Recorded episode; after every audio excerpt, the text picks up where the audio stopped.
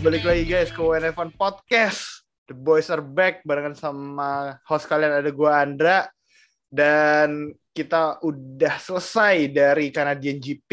Di hari ini kita juga bakal bahas tipis-tipis soal Azerbaijan GP yang udah ada di minggu lalu dan malam ini gue ditemenin sama Nuha, ada Oke, ada Fadil. Apa kabar, guys? Alhamdulillah. Lumayan. Ya, Kabar Ya, selalu sebenarnya- baik, apalagi habis juara, gimana kabar nggak baik? Anjir, ini iya. dia. Ini nih. Abis one two, Iyalah. besoknya tetap menang lagi emang. Emang sih. Red Eh, Bull Black emang Ferrari. Ih, tahu dah. Iya, makanya kalau menang itu kabar itu akan selalu baik, selalu sehat, damai, menghadapi hari itu selalu senyum gitu kan, gegap gembira. Gak akan, gak ada tuh namanya yang namanya cemberut.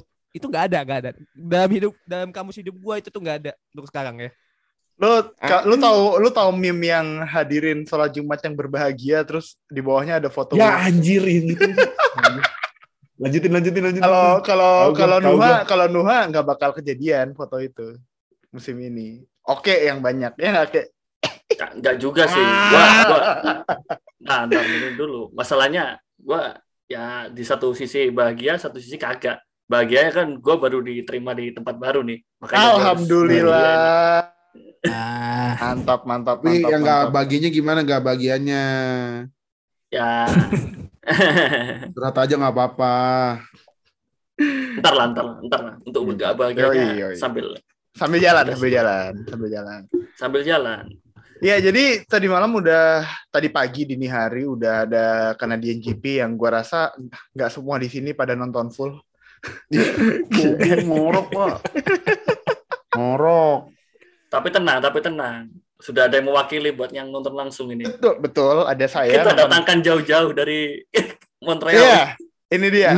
Kita malam ini ada bintang tamu. Uh, dia tuh mengaku sebagai Akamsi Montreal. Ush. Ih, Si paling Montreal.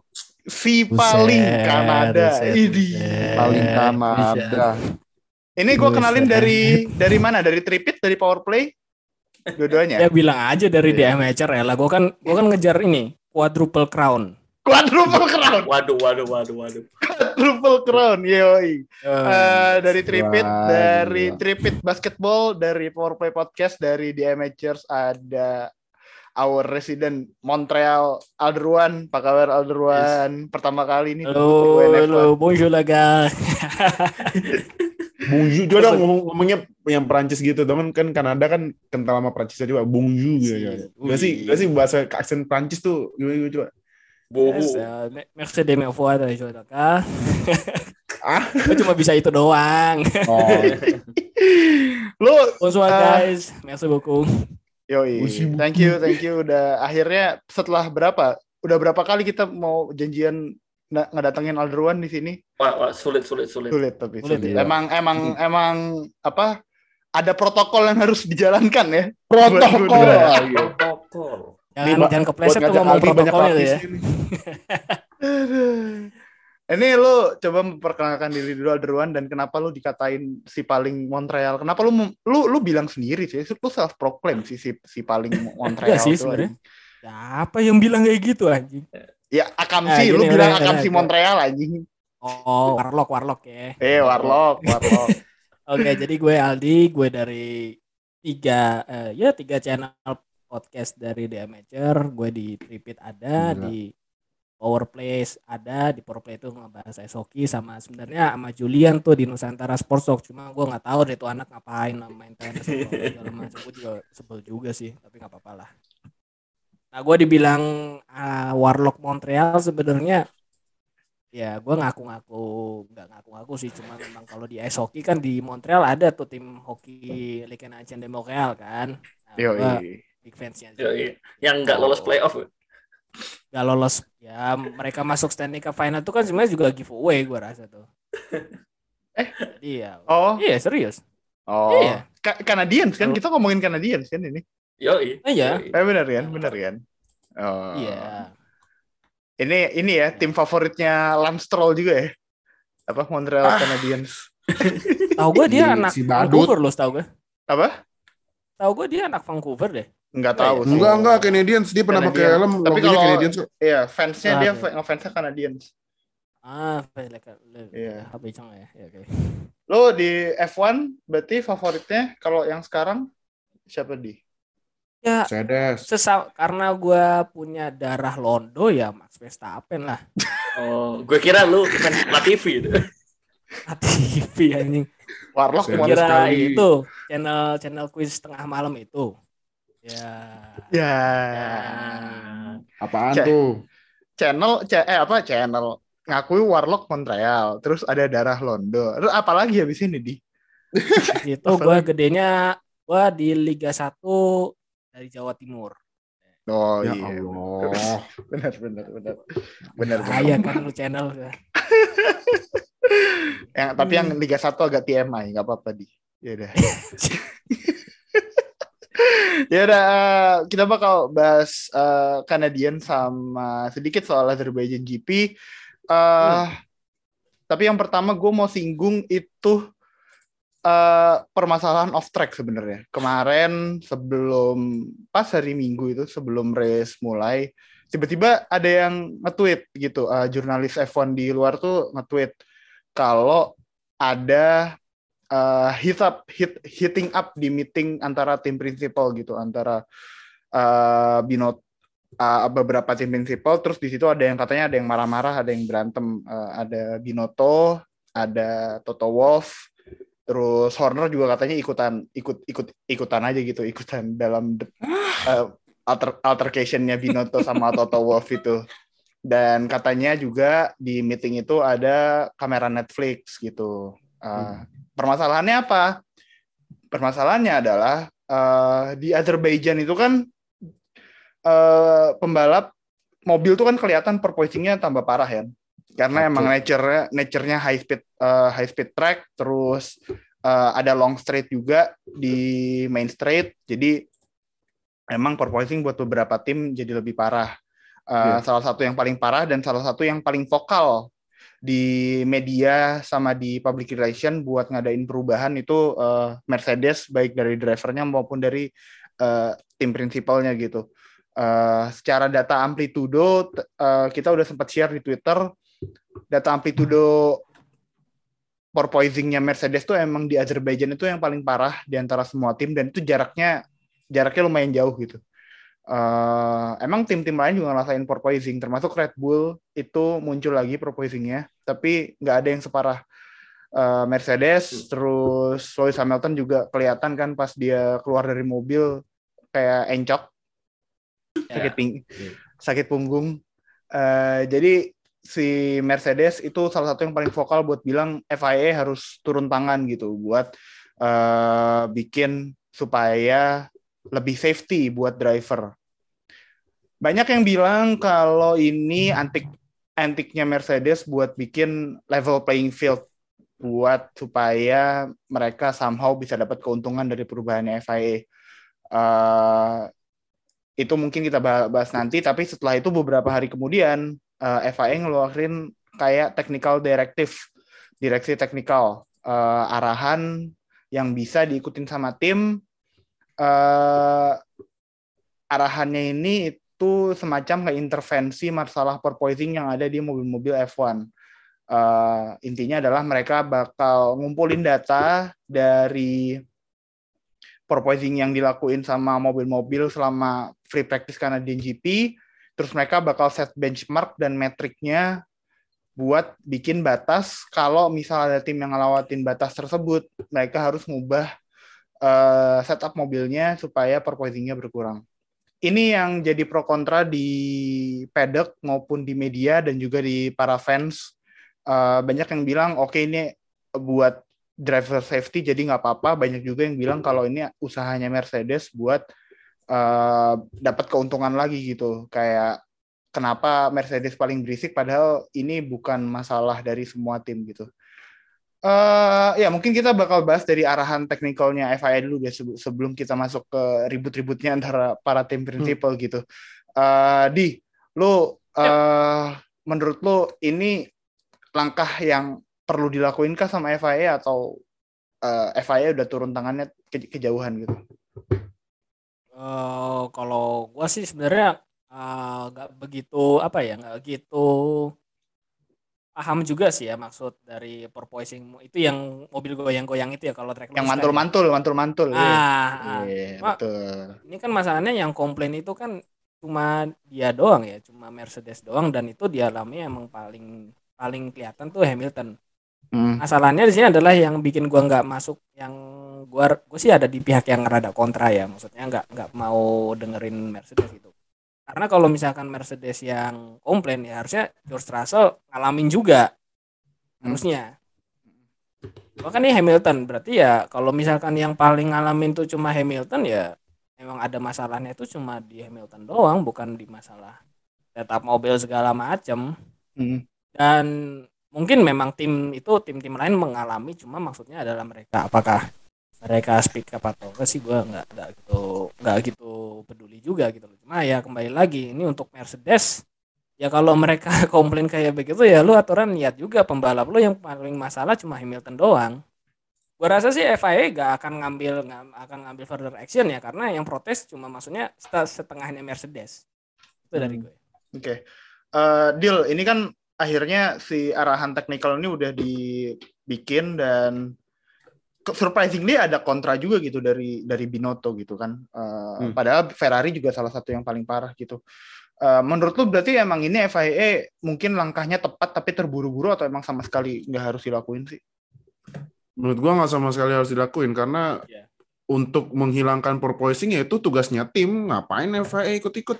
nah Ya kan? gitu. Hmm. Iya dong. Ya kalau kalau misalnya nih pembalap ngeluhin, iya nih saya bawa mobil kan kemarin kan Baku juga ya lihat kan proporsinya parah karena juga ya karena street circuit itu kan nggak nggak rata ya. Ya, Iya, kayak lu street bawa mobil aja di. Jakarta kan, Ah, Tapi Jakarta nih, hmm, hmm, hmm, kan nih kena jalanan rus apa nggak rata ya sama aja. Nah, cuman ya ngapain FIA ngeintervensi intervensi kalau pakai alasannya demi keselamatan pembalap. Oke demi keselamatan keselamatan pembalap. Nah jadi tapi gini loh, misalnya nih, oke eh, FIA bakal kalau nggak salah tuh eh gue sempat baca intervensinya bakalan ngecek apa sih damper apa apa gitu pokoknya bagian bagian bawahnya ya Iya, pokoknya Yang di bagian itu floor kan. Di Nah. plank plank bagian floornya itu kan floor itu kan ada, ada planknya kan yang ada plank kayak yang bawah ya? bagian paling bagian paling deket ke ke track gitu loh. Bagian bawah Iya. paling mobil yang paling deket ke track. Itu yang bakal Nah. dicek nanti. Bakal dicek oke. Misalnya nih misalnya dicek 9 tim aman. Satu tim misalnya tuh yang tim tim ini nih tim yang eh, yang komplain protes tadi mulu. ternyata. Iya. Nah ternyata beneran porpoisingnya parah menurut gua nggak logis kalau cuman tim itu doang yang bakalan diintervensi pasti semua tim bakalan diintervensi Nah, Mm-mm. kalau misalnya beneran diregulasiin, misalnya di plank bagian floornya, nah ini gue, nah ini gue baru dapat nih dari ini ya dari eh, WTF1. Jadi eh, katanya lebih dek apa plank sama skids bakal pokoknya bagian bawah. Nah, terus eh, nomor duanya intervensinya itu bakalan dianalisis datanya buat lihat eh, li, apa buat dilihat sama di di apa ditetapin batas batas acceptance buat ininya kan porpoisingnya. Iya, batas mantul-mantulnya itu mantul-mantulnya Nah, yang tadi coba gue gue lanjutin tadi. Misal nih, misal eh 9 tim aman, tiba-tiba Ferrari eh Ferrari Mercedes jelek. Berarti kan otomatis ya FIA sebagai governor body of motorsport ya harus ini dong. Harus ngeregulasin semua dong, nggak mungkin cuma Mercedes. Iya. Nah, misal nih eh, beneran regulasi. Nah, contoh Red Bull yang porpoisingnya udah minim, minimum, terus mesti ngikutin, tahu-tahu porpoising kenceng. Nah, ini lagi kan nyalahin FIA lagi kan, jadi emang Iya. intervensinya tuh nggak jelas dan, dan ngapain gitu. Iya, tadi lu sebut si eh, Red Bull gitu kan karena Red Bull emang salah satu yang udah bisa ngendaliin porpoisingnya gitu di antara eh, Iya. 10 tim.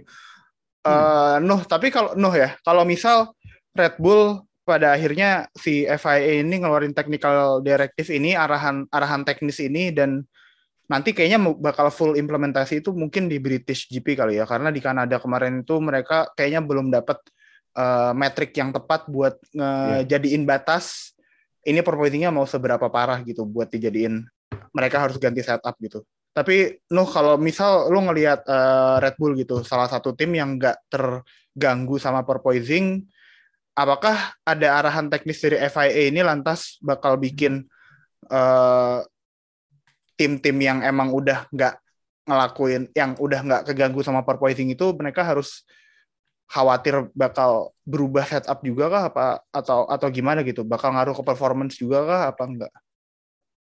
Seharusnya sih nggak akan terlalu berpengaruh dengan apa yang udah tim-tim lakuin ya karena balik lagi yang seharusnya mengatasi porpoising itu ya ya masing-masing tim bukan FIA harus menurunkan regulasi atau segala macam. Menurut gua apa yang dilakuin Mercedes tuh menurut gua terlalu much saja itu much banget. Itu kayak itu kalau menurut gua ya. Itu kayak semakin nunjukin kalau Mercedes tuh nggak sanggup untuk menyelesaikan masalah porpoising mereka. Jadi kayak mereka mencari alasan lain biar biar kayak kesannya ya menca biar biar kayak kesannya tuh ini mencari keadilan apalah segala macam ya berat. Kalau gitu kenapa masalah porpoising aja nggak bisa diselesaikan gitu. Buktinya Red Bull aja bisa gitu. Bahkan tim-tim lain kayak Alfa Tauri bisa itu bisa ya Alpine masa bisa tuh Alpine Alpine aja bisa. Alpine bisa Mas- masa lu tim sebesar Mercedes dengan budget dengan budget Nah. se- Ah, sebanyak itu kok nggak bisa menyelesaikan masalah Iya. porpoising doang ya berarti salahnya berarti salahnya di mana gitu loh. berarti Iya. ya R- R&D lu berarti udah salah dari awal makanya lu jangan makanya sih di awal lu coba-coba bikin-bikin mobil-mobil yang no zero pot lah apalah segala macem ya hasilnya kan akhirnya porpoising juga kan lagian lu sembarangan bikin pot terus bikin inovasi-inovasi apa segala macem ujung-ujungnya nggak bisa nyelesain porpoising ah goblok lo Buset, Buset, Oh, buset. oh, oh, di sini boleh di sini. Di sini boleh. boleh gitu. boleh boleh tapi Oh, jangan, tapi jangan, jangan jangan jangan jangan yang jangan ini jangan bagian badan jangan ya. K word Oh, jangan jangan. M M word jangan N word ya ya Ya. itu jangan udah Yang penting binatang boleh ya. boleh lah dikit ya Ya, nggak ada apa-apa lah ada nggak dah. apa-apa Ada. dah, nggak apa-apa Ada. dah ya dia ada lagi dia masih adaptasi Boleh dong. lagian lagian gini ya maksud Ya gua bener. Mercedes tuh ya kalau misalnya mau apa tadi kan juga ada sempat kayak berita kalau misalnya Toto Wolff ngamuk lah di dalam pertemuan antar Tim ini, principal. antar, ada antar tim principal gitu.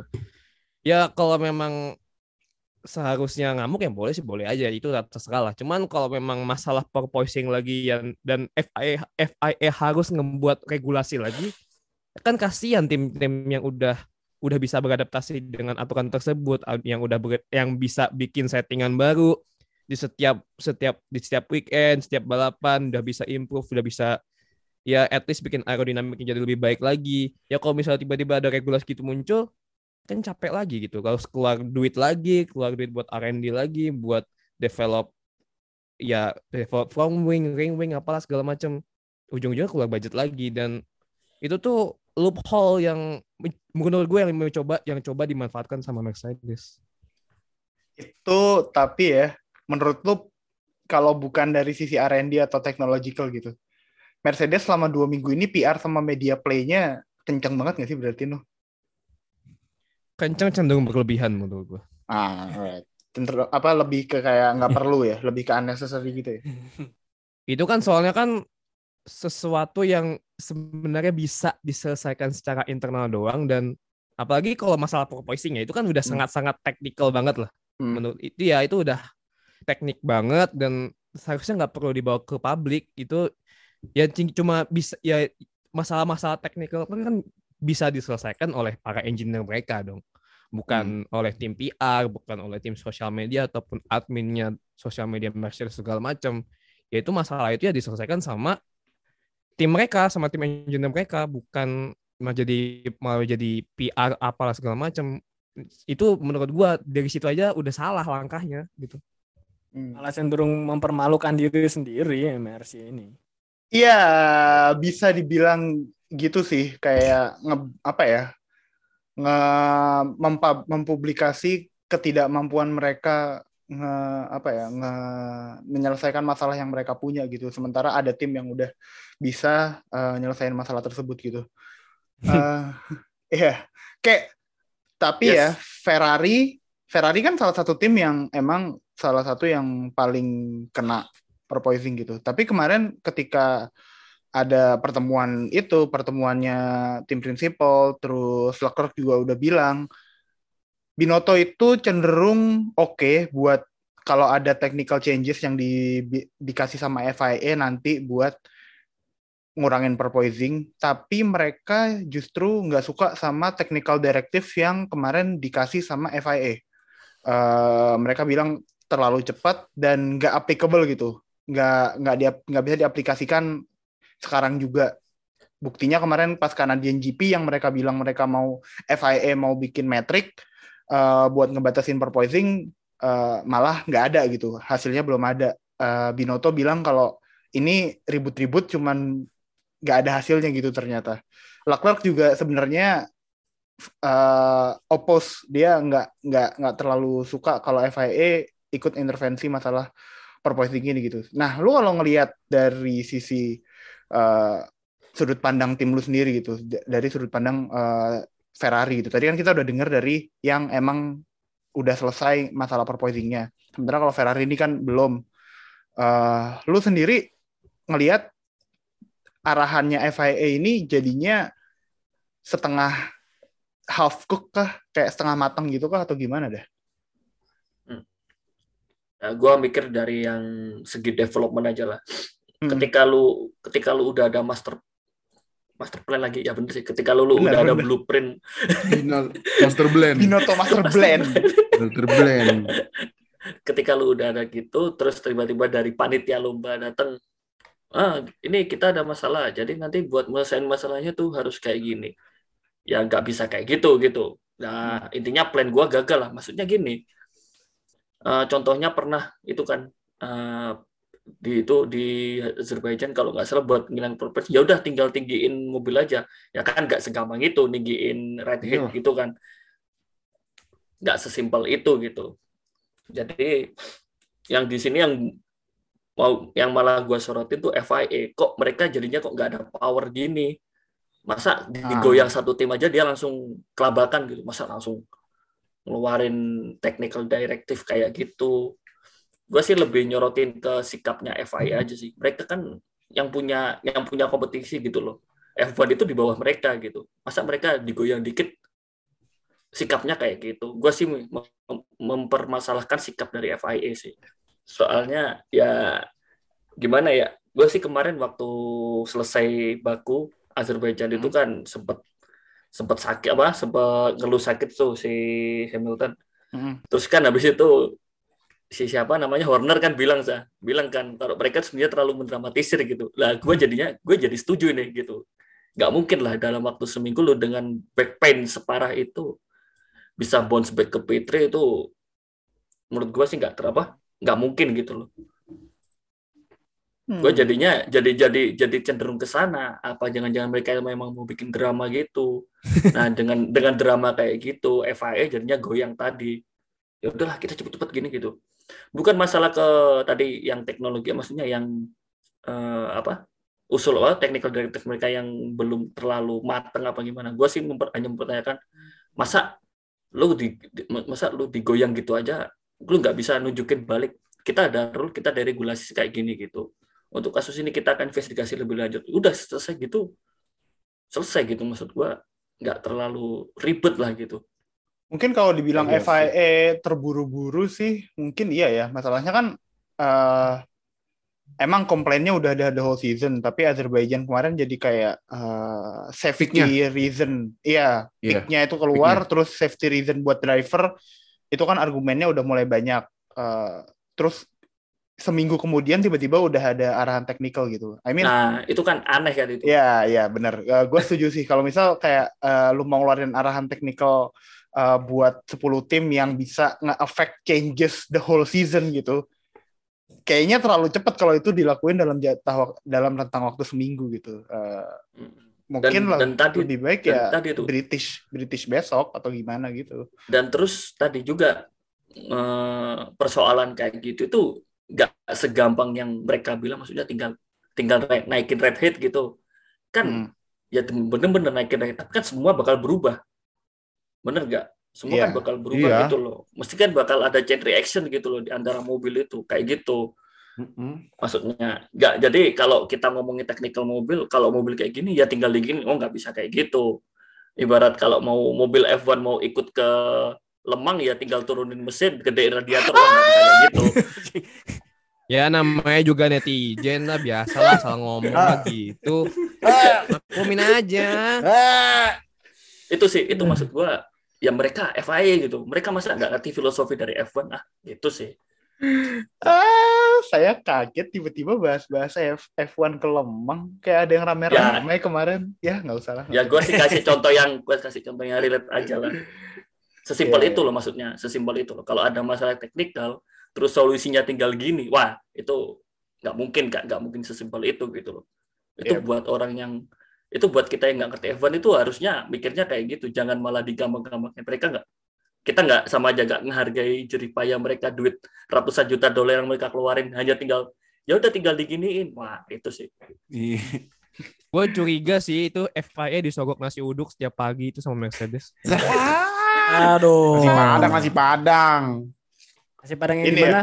Bopet mini, bopet mini. Bawa nasi Padang nih. Bopet mini. Disogok, disogok ya. bopet Iya, mini. episode Atau nggak mana sate Padang. Aduh. Tapi ini ya kemarin tuh sebenarnya ada eh, cerita yang bikin kayak emang the whole the whole thing jadi kayak lebih eh apa ya the whole thing jadi kayak ada yang dicurigai lah. Jadi kan technical directive itu kan keluar hari Kamis Eh, waktu setempat ya Kamis waktu setempat di Kanada. Eh, yang berarti tim-tim tuh harusnya udah kayak udah ada di sana, udah bawa spare part yang cukup buat setup yang sesuai dengan Kanada, sesuai regulasi yang ada pada saat itu, tanpa bikin eh, tanpa ada antisipasi kalau bakal ada perubahan kayak semacam perubahan aturan gitu. Jadi Kamis keluar technical directive yang salah satu poinnya adalah eh, FIA ini memperbolehkan kayak satu solusi short term yang itu dia nambah part di floor di samping-sampingnya floor itu ditambah satu part yang bikin floornya itu jadi lebih kaku. Jadi eh, agak berkurang sedikit lah perpointingnya di situ. Jadi nggak terlalu flex di bagian floor, jadi nggak terlalu banyak eh, mantul-mantulnya gitu. Ini bukan sesuatu yang bisa dilakuin overnight eh, sama tim-tim kalau secara rasional. Ternyata kecuali Mercedes. Hmm. Setelah keluar si technical directive itu eh, di hari Jumatnya free practice tuh Mercedes ternyata eh, masang upgrade itu, masang upgrade eh, bagian floor kedua yang buat eh, floornya jadi lebih kaku gitu. Jadi eh, ya ibaratnya mereka udah nyiapin lah part itu gitu loh. Apakah ini ada sesuatu atau enggak? Kita lempar aja lah ke eh, imajinasi pendengar apakah ada yang ada sesuatu antara FIA sama Mercedes. Ini deh. Kalau kalau misal kalau biar biar gua meng, mengkelirkan imajinasi deh. Dulu pas zamannya Das kan dilolosin. Nah, sekarang kok Nah, kan? Gitu aja. Walaupun udah ganti race director mah tapi kan orang FIA sisinya kan masih sama. Nah, ayo lo. Gitu aja. Gue bilang disogok nasi uduk dibilangin. Nasi. Iya itu dia. parah banget. Nggak ya kalau gue gue sebagai host gue nggak bisa lah mengiring iya apa enggak tapi Oh. gue hanya menceritakan apa yang kejadian. Itu juga sebenarnya yang bikin Binoto yang pas eh, tim principal meeting itu ngamuk-ngamuk gitu. Jadi pertanyaan terakhir dari topik ini adalah Toto Wolff marah-marahnya beneran apa gara-gara ada Netflix? Netflix lah demi demi konten ntar kan nama Netflix dibikin editan kayak sinetron In- Indosiar kayak biasa Aduh. biasa Kayaknya dia kayaknya dia mau show off lebih dari Daniel Ricardo nanti ini. iya Wah, Ah! anjir anjir nggak bisa, nggak bisa, nggak bisa, nggak bisa. Kalau itu gua, kalau itu gua yang protes. Nggak, nggak, nggak. Episode TTS episode Survive. Ricardo, Daniel Ricardo eh, episodenya harus tetap lebih banyak daripada Toto Wolff. Nggak, nggak bisa, nggak bisa. Toto sama Daniel Grado ini saingan screen time nanti. Iya ntar fix dah. Udah. ya, itulah eh, sedikit sneak peek dari eh, Drive to Survive season 5 yang kemarin tiba-tiba rame. tiba-tiba rame di eh, sosial media ya. Gue bingung orang lagi orang bang gue bangun tidur eh, mau siap-siap nonton terus tiba-tiba ada yang ribut-ribut. Lah. Malah berantem. Oke. eh itu mungkin dari eh, peraturan FIA. Sekarang mari kita bahas tim yang kemarin menang. Dua minggu eh, menang eh, yang ngejadiin ini sebenarnya kemenangan keenam berturut-turut dari Red Bull Kena berturut-turut ya? Anjir, gue baru nyadar loh. semenjak Aduh, aduh, aduh. Imola. USA. Eh, Imola. Imola. Semenjak Ya, Imola menang gila. terus. Eh, Verstappen menang 5 dari 6 dengan satunya itu eh, Sergio Perez di Sergio Perez di mana sih menang? Monaco. Oh ya Monaco. Monaco. Monaco, Ya, Monaco, Monaco. Monaco. Monaco, Baku, ini Kanada. Iya, kan Imola, eh, Amerika, Imola, Miami, Miami. Oh iya. terus gue lupa satunya apa, terus Monaco, Baku, sama Barcelona. oh iya Barcelona, Oh, Barcelona. Barcelona, Monaco, Baku, sama Kanada. Eh, Red Bull menang di eh, enam tersebut. Dari sekarang udah berapa? 9 race yang udah kejadian tuh. Jadi eh, dominan Red Bull sebenarnya, tapi dominan yang bukan tanpa masalah. Eh Iya sih. Oke, tapi kita kasih uh, kredit dulu gitu ke Verstappen di mana emang drive-nya dia kemarin uh, benar-benar komplit. Uh, dia bisa nahan Carlos Sainz di belakangnya di beberapa lap terakhir di mana Carlos Sainz itu dengan ban yang lebih baru, lebih fresh. Uh, akibat dia gosok si Sunoda masuk ke nabrak ke tembok di turn 2 safety car full safety car uh, Sainz masuk ke pit uh, Verstappen fini, uh, Verstappen pas itu di udah di depannya Sainz tapi Sainz karena di belakangnya udah pakai ban baru jadi uh, banyak yang bilang ngira kalau Sainz bakal first win tapi ternyata uh, Verstappen yang tetap dapat uh, win tersebut gitu. Iya, soalnya Andra, Ah bentar. so- soalnya Sainz itu 0,3 detik lebih cepat daripada Verstappen on paper lo ya. Secara on teori paper. itu Verstappen Mereka- Sainz lebih cepat 0,3 detik. Gila. Kan kan habis itu yang fastest lap kan juga si Sainz bukan Iya. si Verstappen. Iya. Iya, Sainz. Emang emang Ferrari kan itu one lap merchant. Nah, Wah. emang iya. Habis itu ba- mesinnya meledak udah. Ah, Nggak ada aja yang ini. No, eh, kalau lu ngelihat dari performance-nya Red Bull baik di Azerbaijan sama di Kanada gitu secara eh, keseluruhan gitu. Apa sih yang bisa lu highlight dari dua race kemarin buat Red Bull? Yang pasti pro-nya itu adalah matahari selalu bersinar terang setiap paginya. Let's go. Aduh. Tidak ada Awan. namanya bermuram durja, tidak ada namanya sedih gundah gulana. Untuk semua fans Red Bull di seluruh dunia, setiap pagi pasti bangunnya sumringah, senyum gitu kan. Walaupun memang mungkin ini ya, kalau masalah teknikal ada tetap tetap ada masalah juga gitu.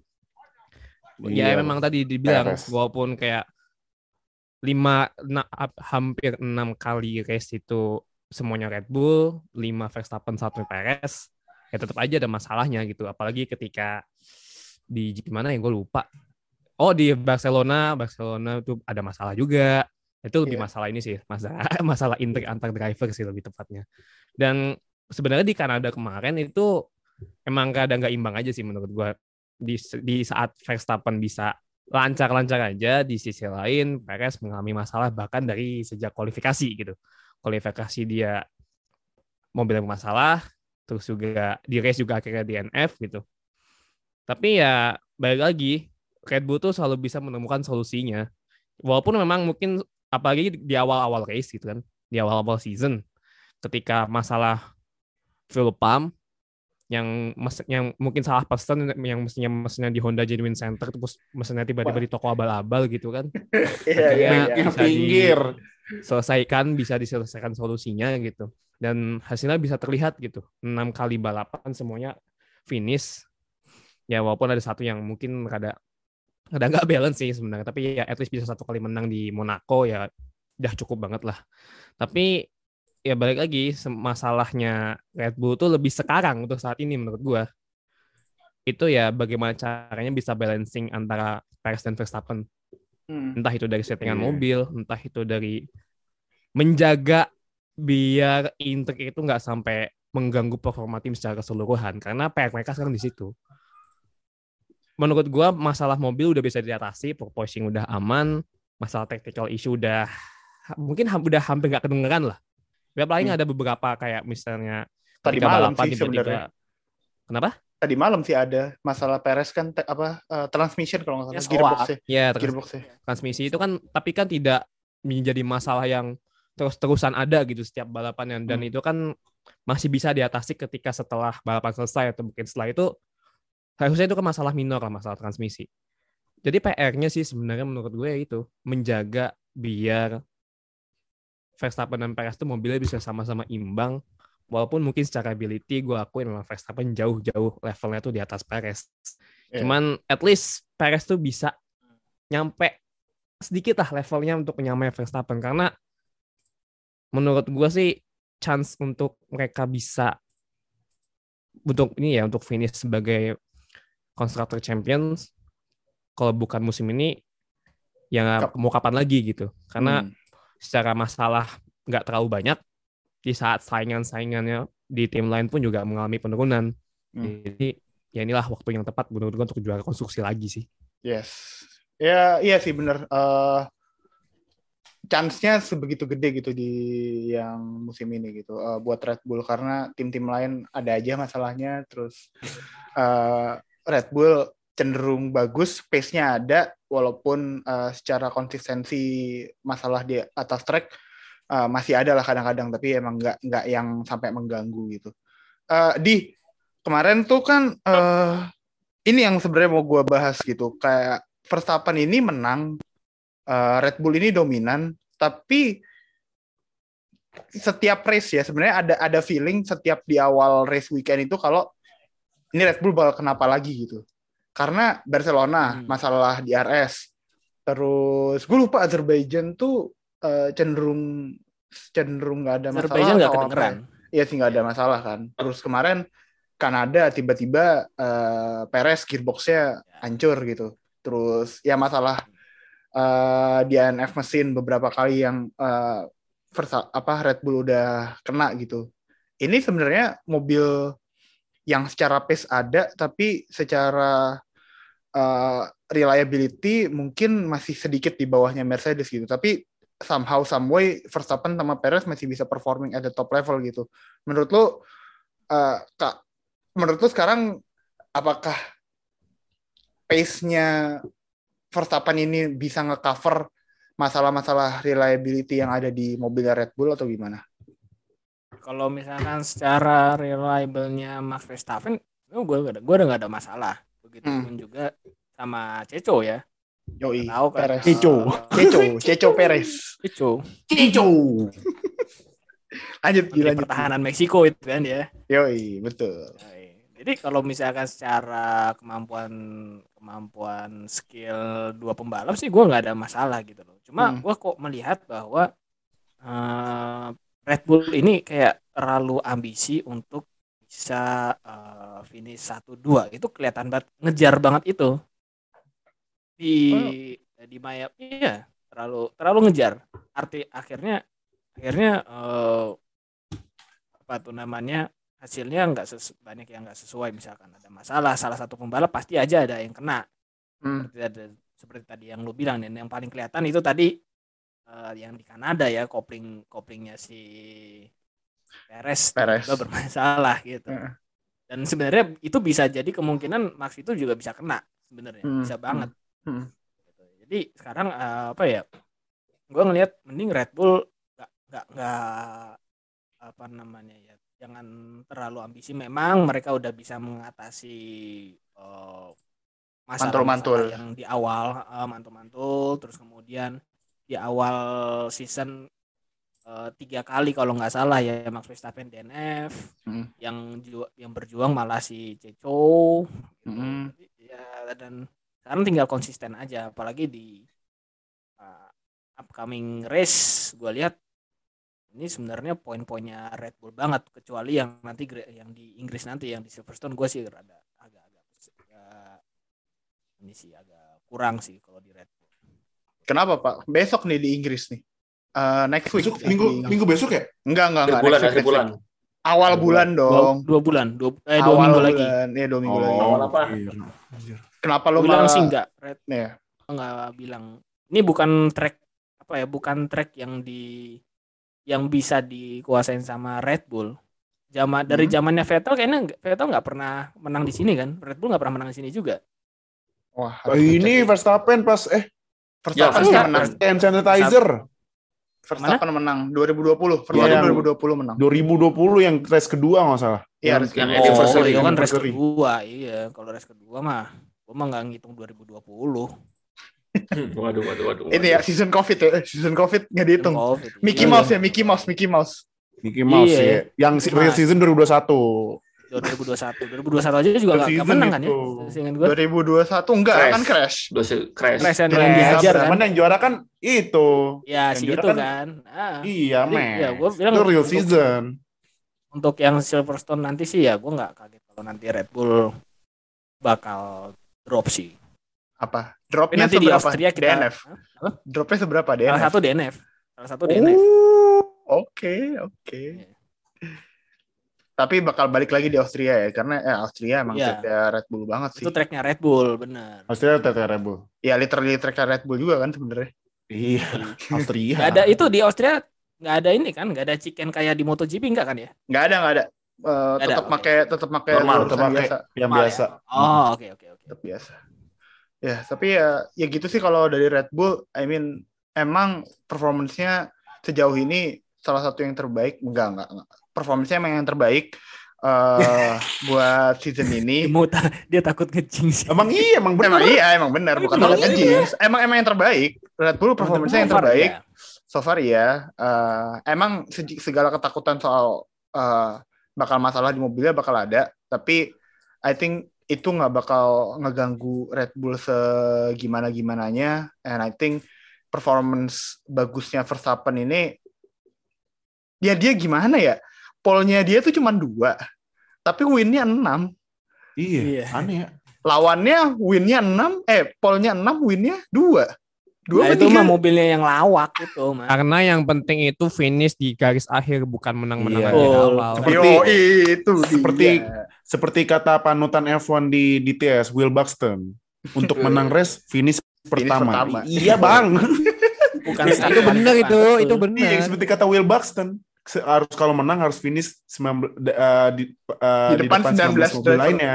Iya benar, Iya, benar, benar. Betul, itu betul. gua, Bahkan gua, ya, gua- percuma kalau lu apa memulai start di awal tapi ujung-ujungnya kagak finish kan percuma. Nah, itu. Ah, itu. mana satu mana satu mesin habis lagi gitu kan. Iya, Iya. kena Kena Sampai macem-macem. penalti ini kan kemarin start paling belakang kan, dengan paling belakang juga sih Ya, gara-gara nggak, Sonoda 19. ini ya. Masih ada 19. Iya 19. Iya.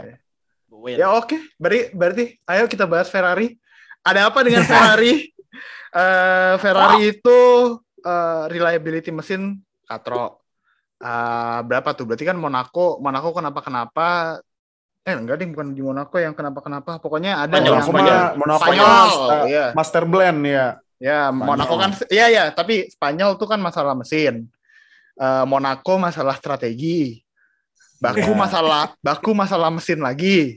Ah, Eh, Kanada kemarin masalah pit stop. Kanada Pit stop, pit stop. cuma pit stopnya Pit jelek stop, banget slow, kemarin. slow. Pit stopnya slow. jelek banget. Nah, Kayak kenapa Ferrari?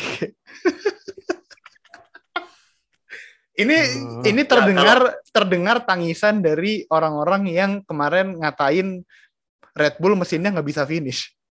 Ah, Ah, mampus.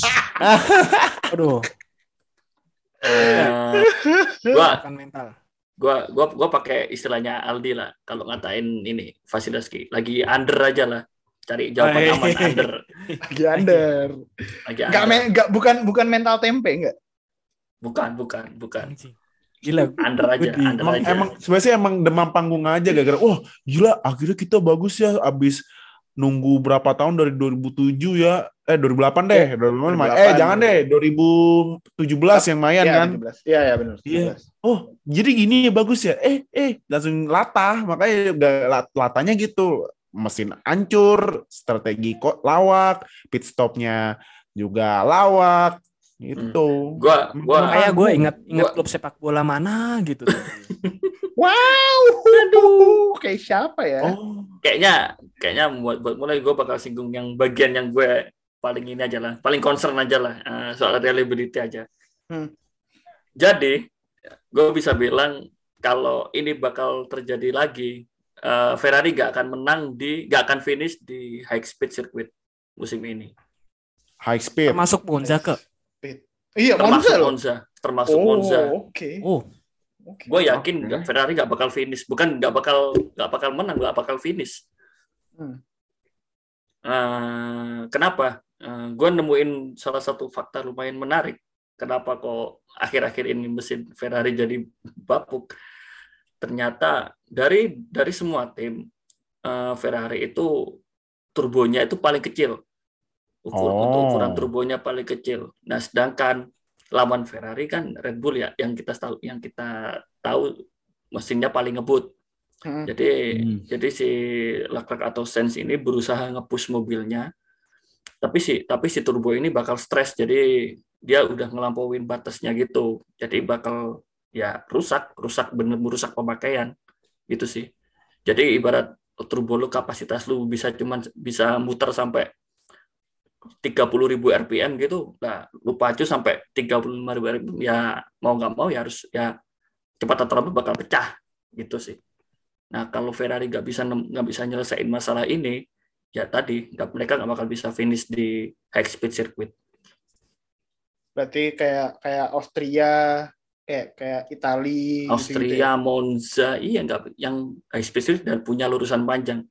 Dan panas kali ya. Suhu kayaknya kayaknya overheat juga nggak sih kayak sebenarnya. overheat karena terlalu banyak gas Hmm. Iya, ya itu pasti, itu pasti. Cuman kalau menurut gua gara-gara mesin yang terlalu dipacu di atas batasnya sih. Ya bener, eh, bisa kita kita semua tahu Ferrari juga bukan yang terkencang untuk, untuk mesin musim ini. Hmm. Tapi mereka untuk mobil oke, untuk slow slow corner kan itu faktor faktor mobil ya, bukan faktor Iya. mesin gitu. Kalau di lurusan kan memang benar-benar mesin yang berbicara. Dan kita Hmm. tahu semua itu Red Bull yang sekarang nomor satu. Dan Ferrari berusaha melampaui itu. Tapi ya tadi kayak gitu. Dan menurut gue sih ini kayaknya mereka nggak perhitungin sejauh ini deh gitu sih. Kalau menurut gue untuk sampai sekarang soalnya setiap kali Ferrari DNF masalah mechanical mereka itu kayak nggak ada caution gitu loh, precaution di sistem mereka gitu loh. Ini bakal ini ya, data ini ada yang aneh gitu. Nah kayak gitu sih. Kemarin eh, apa turbo ice itu kan eh, Termasuk rusak termasuk rusak rusak beyond repair kan ya? Sama kayak yang Spanyol beyond kan repair. dan rusaknya dan dia eh, nah, nah, itu wajar rusak beyond repair berarti kan bener-bener lu udah pacu dia udah melampaui batas, Hmm. udah hancur itu ya. mesin. Hancur. Soalnya dia udah dia udah kerja di luar kapasitasnya. Nah itu Ferrari harus nyelesain masalah itu sih. Kalau untuk masalah strategi, ya strategi mah udah kenyang lah. udah Fadil aja nih, Fadil aja nih. Dil, eh, Ferrari ini eh, sebenarnya kalau masalah mesin tadi kalau di Kanada ya Azerbaijan emang mereka ancur-ancuran gitu. Terus kalau Hmm. di ya Azerbaijan eh Azerbaijan mereka double DNF ya. Gue belum bilang tuh. Double DNF. Azerbaijan double Double DNF DNF. Iya. uh, Sainz hydraulic Sense hydraulic, Ya. Itu dan gue yakin banget itu bisa kejadian di Monza gitu loh. Kayak gitu. Hmm. Oh iya bisa. Iya, Nggak usah bisa nggak usah di. Monza ke Austria. Ah, ya, Austria.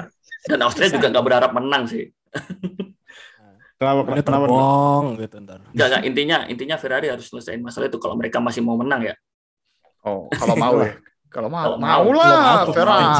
Ferrari. Masa nggak mau iya menang? kebanggaan Italiano Itu dia Maranello. tetep men- bakal tetap menang cuma di kualifikasi. Maranello. Nah, itu Iya. bener. Ajarnya kualifikasi. Di Kan- kualifikasi menang habis itu ya. Kayak kayak timnas negara mana gitu. Iya. Kualifikasi bagus. Piala dunia out. Ya, Aduh. gue inget itu.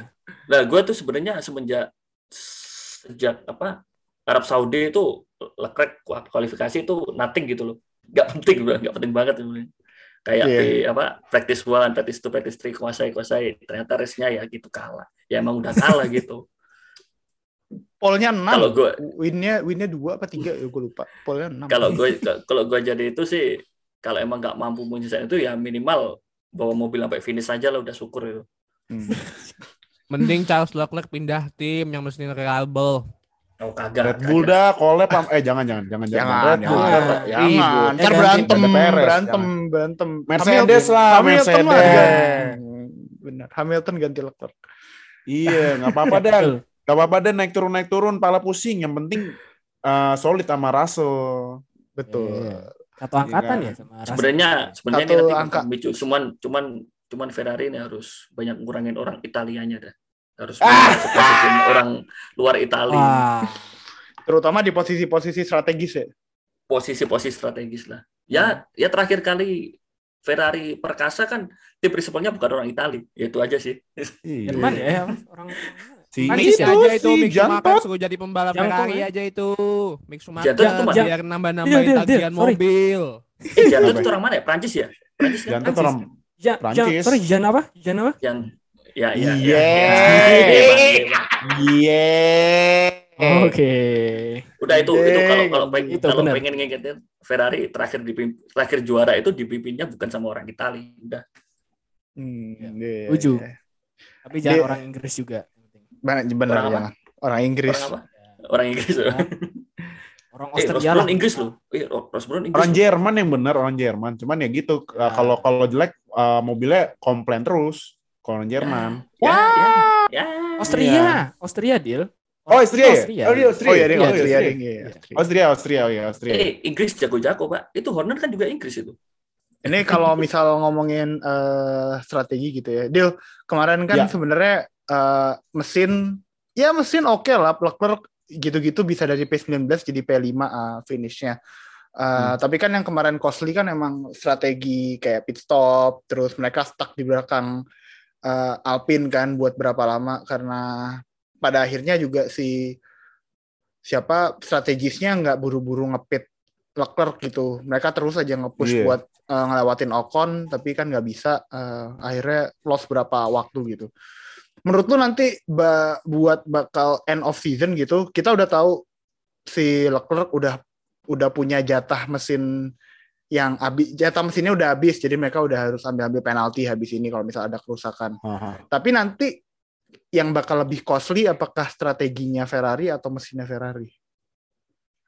Kalau menurut gua lebih costly, ntar. eh DNF Ferrari berapa banyak? Tiga. Udah banyak ya? Ya itulah, sebenarnya segitulah. Dua Nah. tangan lebih, Pak. Dua tangan lebih. Ya, kalau strategi kan yang costly itu Monaco. Terus eh apalagi kemarin kan Kanada, ya kan? Kalau menurut gua lebih costly mana mesin atau strategi?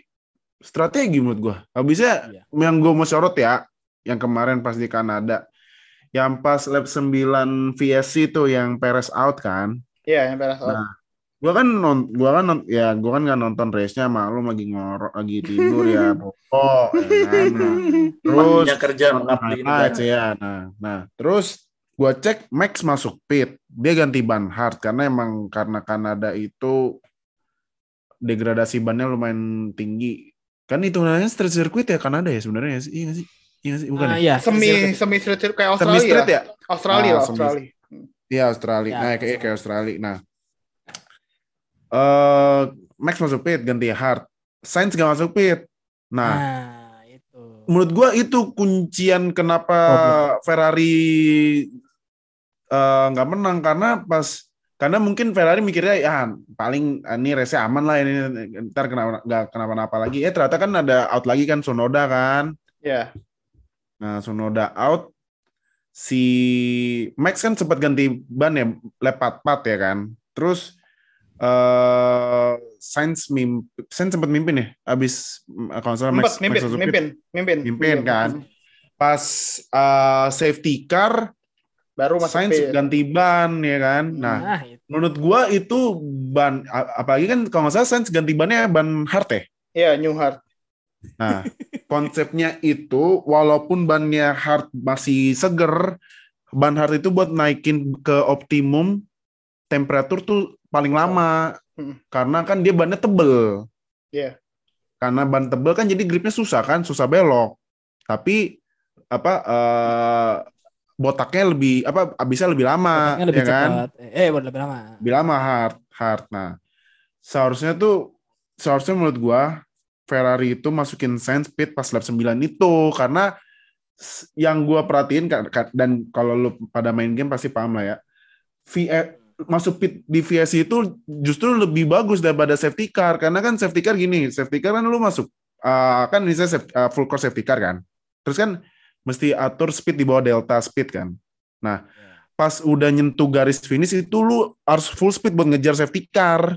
Nah, VSC kan emang nggak emang nggak lama kan Hmm. uh, buat periodenya kan. Tapi dia itu harus ngatur di bawah delta speed. Nah, itu kan mobil kalau misalnya ada over delta speed harus pelanin mobil.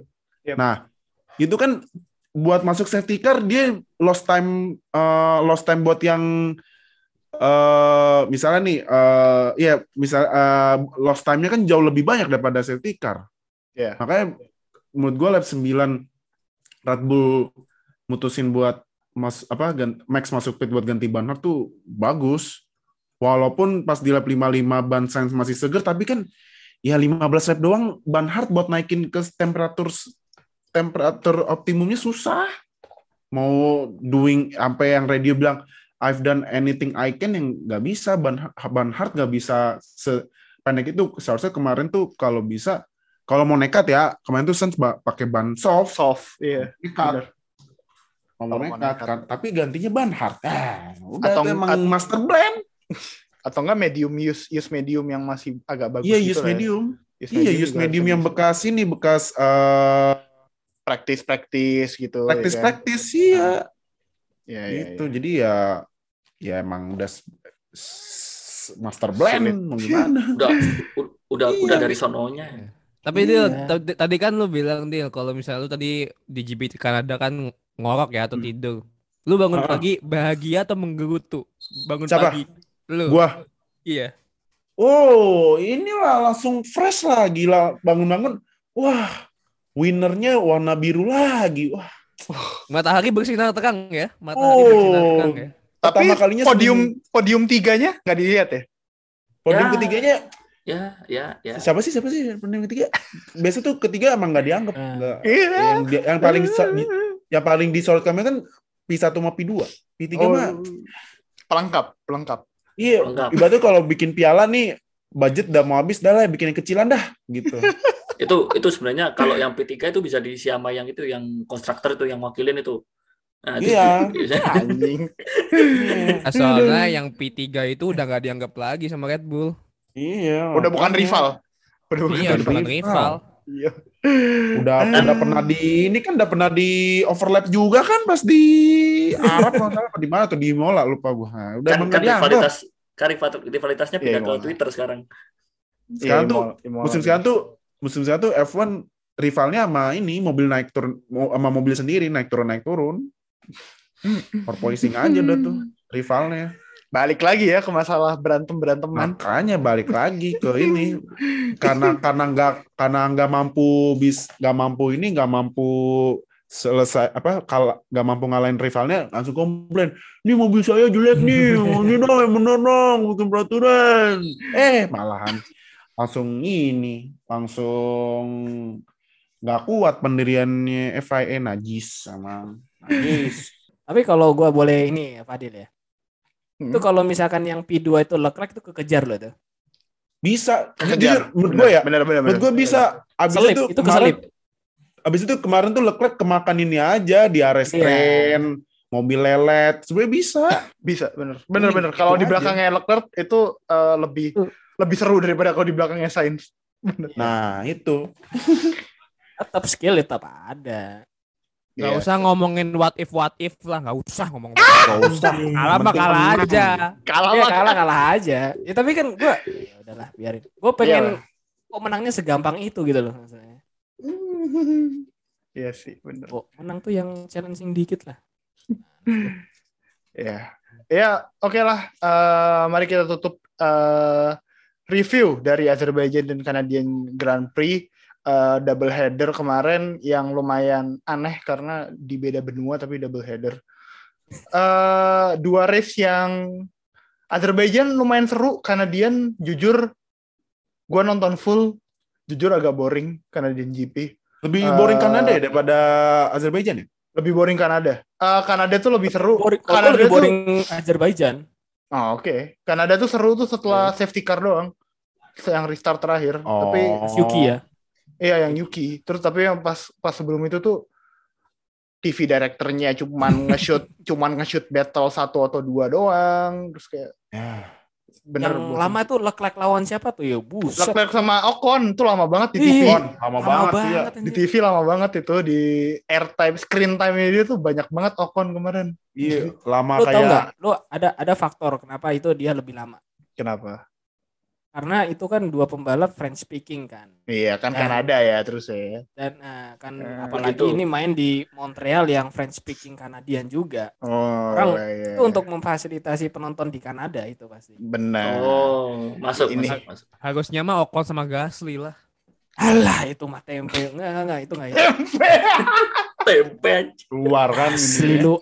tempe Oh. dibawa-bawa ke F1. Enggak, kalau Oke. pasti enggak dihitung itu. Ya, oke itu tadi sedikit ilmu dari our very own Warlock Montreal. thank you Dil, thank you oke, thank you Nuha udah join. Alderwan Oh, iya. mungkin ada yang Oh. mau dipromosikan di akhir podcast ini. Ya kalau promosi ya gue masa tamu promosi enak, apa-apa. Gak apa, gak apa Lu so, so iye banget lu. Ah, Aldi Ya, kan paling dipandang. ya pokoknya tungguin gue di episode pas di Belanda lah atau Wih, mungkin di anjir. Singapura ya.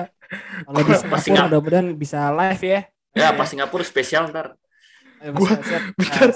Gue dah. gue belum kepikiran mau ada mau GP Belanda dia udah tiba-tiba ngajuin diri bintang ya. tamu di sini. Londo darah Londo Oke, gua- siap. Siap, siap. Ntar. GP Singapura ada background suara ambient ini mobil F1 gitu kalau bisa lah. Ntar doain ya. ya. doain doain ya Chief Anggaran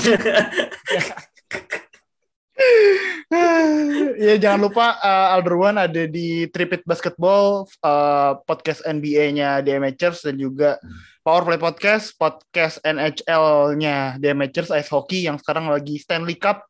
Jadi Oops. uh, Stanley Cup Colorado final Infor Colorado Info. Ya, Jadi kalau- ya. Kat- Kalau nggak tahu kalau nggak tahu uh, boleh follow Powerplay Podcast itu semua soal ice hockey ada di situ terus Tripit juga semua soal NBA ada di situ terus uh, Nash Nusantara Sports Talk yang lagi hiatus entah sampai kapan uh, ada Alderwan juga di situ tapi ada beberapa episode-episode lama. Uh, ada beberapa interview juga sama tokoh-tokoh olahraga uh, Indonesia. Jadi kalian juga bisa cek uh, podcastnya di situ. Thank you buat semua yang udah dengerin and we'll see you guys in another episode. Bye guys